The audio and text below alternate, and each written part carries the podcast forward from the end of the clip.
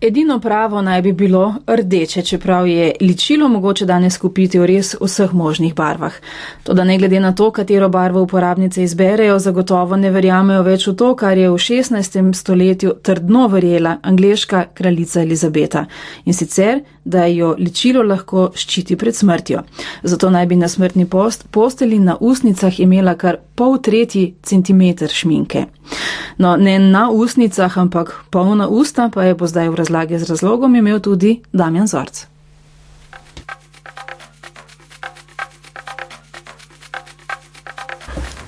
Lepo zdrav. Počasi prihaja zaresna pomlad in z njo nove modne smernice, tudi na področju ličenja. Če so bile v mrzlem obdobju šminke po večini varovala občutljivih ustnic, potem so zdaj na vrsti drugačne prednosti teh vabil za moške, ki v svoji temeljni, a prikriti zasnovi ponazarjajo sramne ustnice na vsakomur vidnem mestu sredi obraza. Šminka ni samo olepševalno sredstvo, šminka je lahko tudi človek sam, ampak o tem malo kasneje. Pravilno slovensko se ta skoraj da nujen del vsebine ženskih torbic imenuje ličilo za ustnice. Ali pa rdečilo. Beseda pač povdarja z naskokom najbolj uporabljeno barvo ali vsaj odtenek tega ličila. Beseda šminka, seveda že na prvi pogled in prisluh, izvira iz nemščine. Pravzaprav iz staronemške besede šmike, ki je pomenila mazilo, ali pa iz staronemškega glagola šmajhln, mazati ali gladiti. Zdaj pa gremo kar k predmetu poželenja samemu. Sestavo šminke nam bo razkril profesor z fakultete za kemijo in kemijsko tehnologijo v Ljubljani Ivan Leban.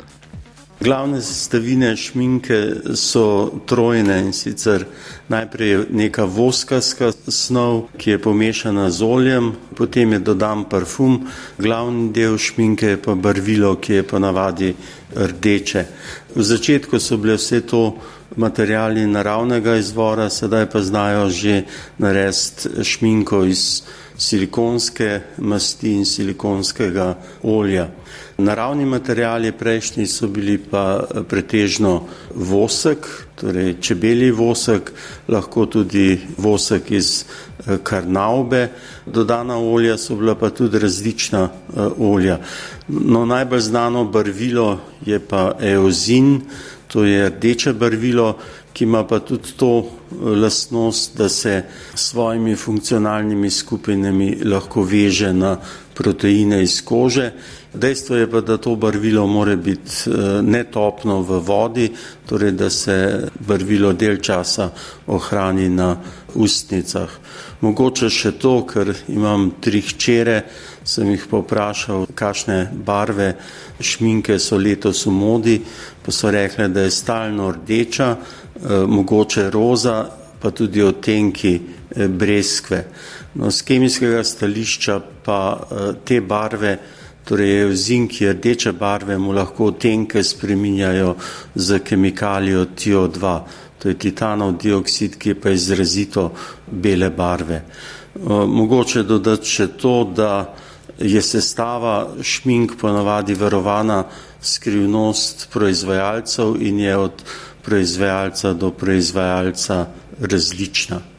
Dodatki v šminki so pa eh, verjetno tudi dodatki, ki ščitijo recimo kožo pred UV žarki, potem različni eh, vitamini in mogoče tudi eh, parfumi.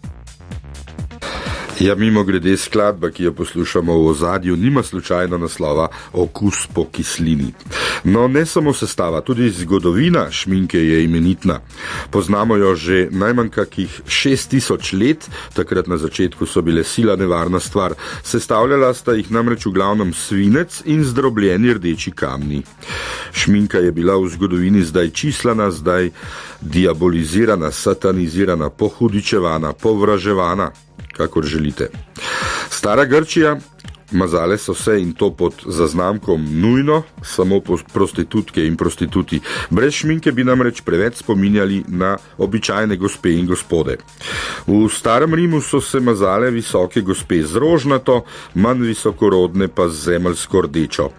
Srednji vek, ženska namazana šminko je bila utelešenje samega hudiča. 20. stoletje ni bilo, kar zadeva šminko, nič manj kontroverzno. Pred skoraj stoletji so v Ameriki spet zahurmeli borci proti nevarnostim šminke. Svinec jih zdaj ni več motil kot nevarnost za ženske. Motil jih je, ker so to nevarnost ženske s poljubi prenašale na moške. Daleč najbolj zlata leta šminke so bila na polovici 20. stoletja. Takrat so ženske uporabljale šminko v 98 odstotkih, zobe pa se jih je takrat naprimer umivalo 96 odstotkov. No, kako je šminkanjem danes, pa zelo dobro ve Anže Košir, masker z nacionalne televizije. Anže, eh, če se osredotočiva zgolj na šminko, to je verjetno manjši kos uh, tvojega dela tukaj. Ne? Ja, to je zelo ozek spektr našega dela, recimo vem, 20%, slaba tretjina, kaj tasga. Pa vendarle, uh, eno od bistev ne, ličenja pa je šminka. Na kaj moraš biti pozoren dan današnji?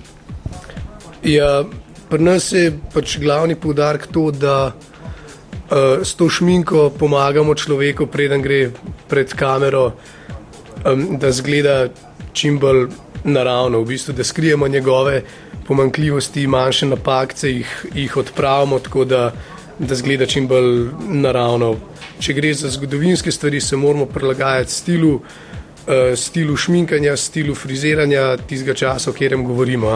Povej mi še, ali je šminka uh, prva ali zadnja? Ja, šminka je na obrazu zadnja.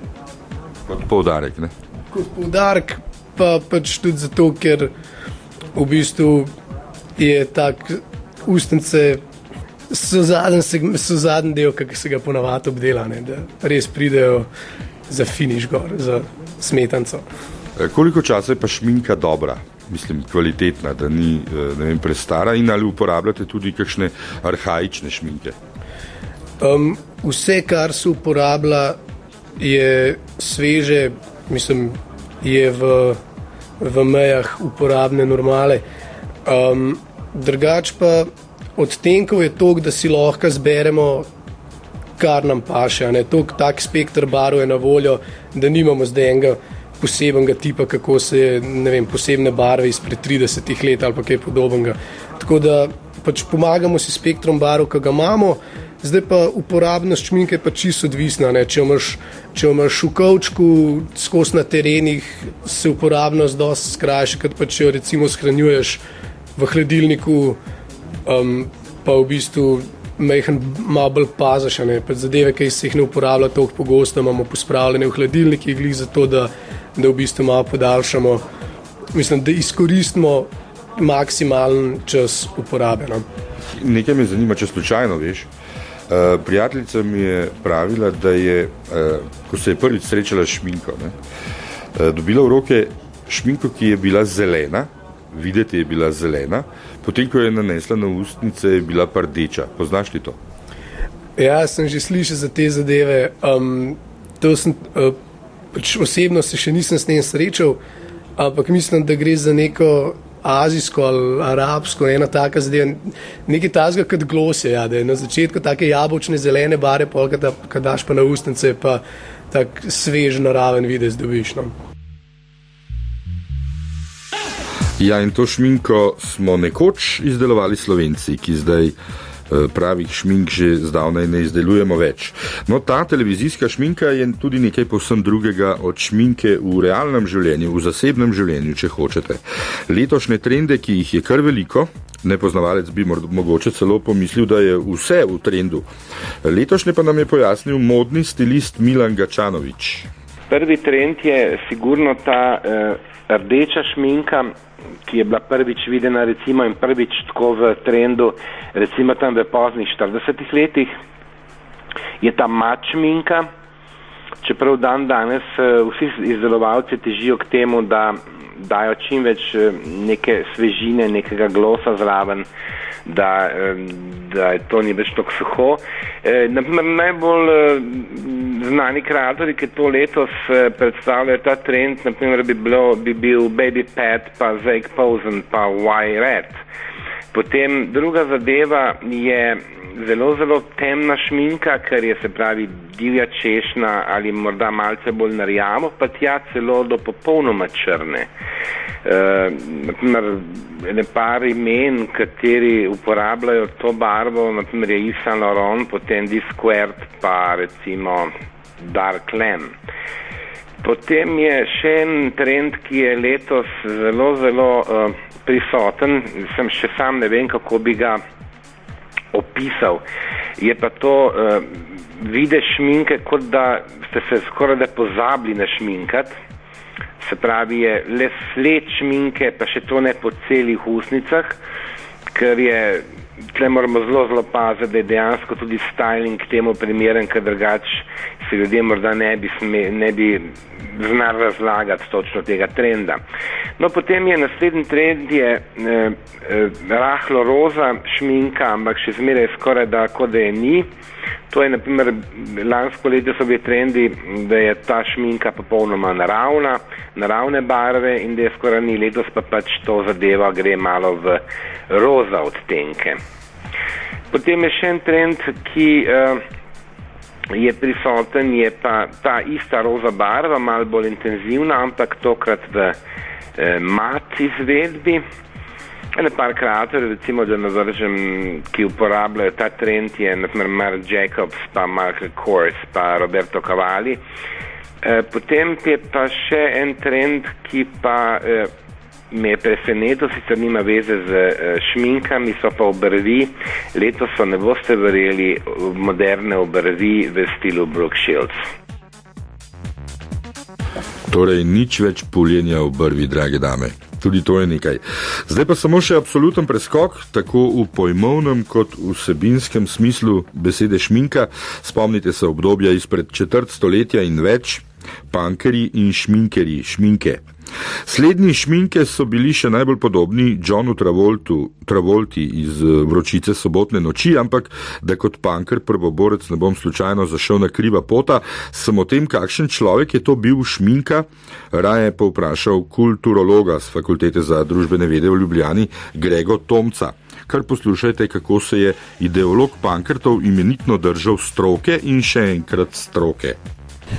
Šminkeri so bili ena skupina mladih ljudi v poznih 70-ih letih, ki so imeli na tak zelo prepoznaven življenjski stil.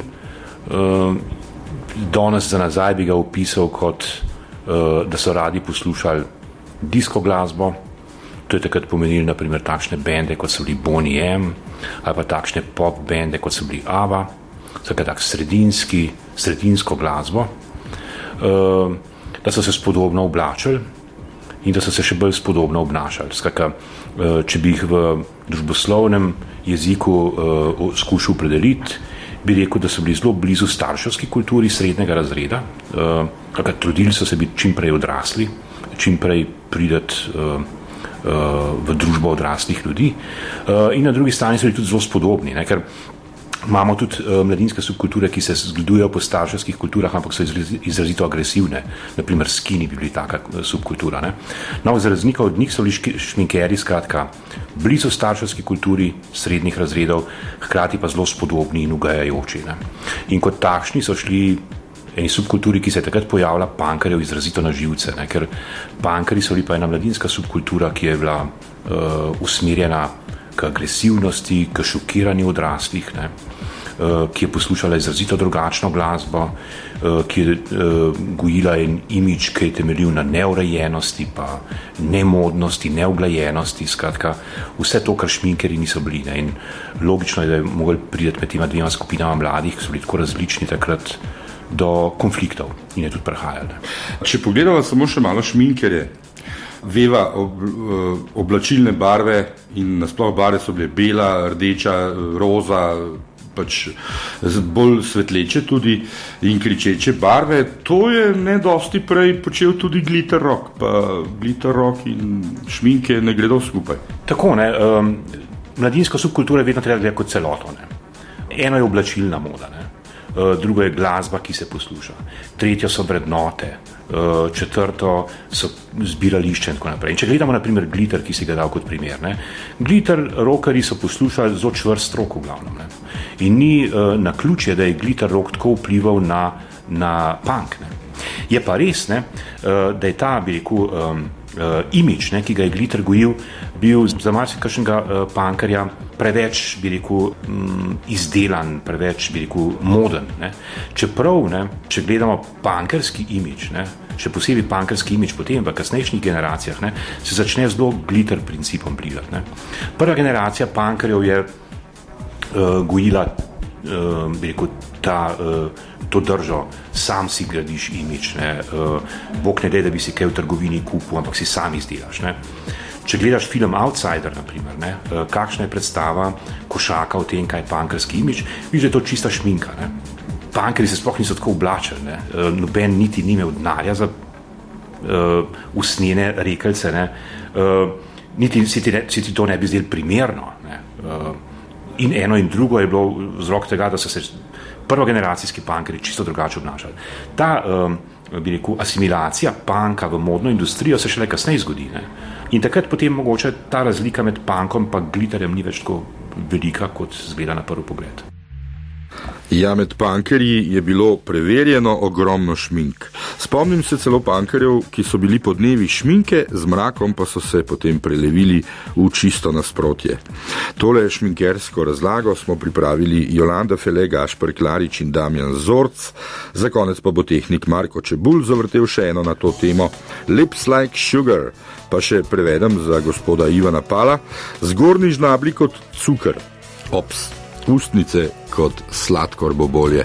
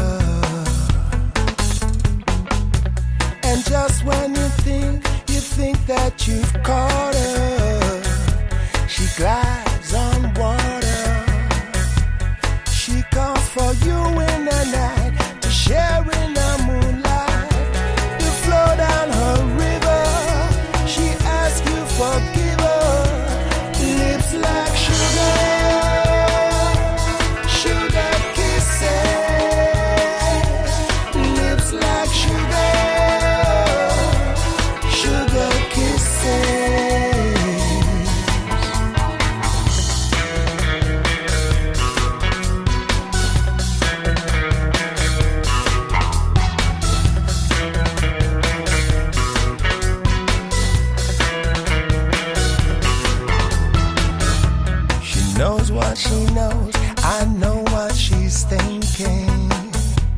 Sugar kisses, sugar kisses. And just when you think that she's yours, she's flown to another man's shores to laugh when you're breaking your world. She's forsaken.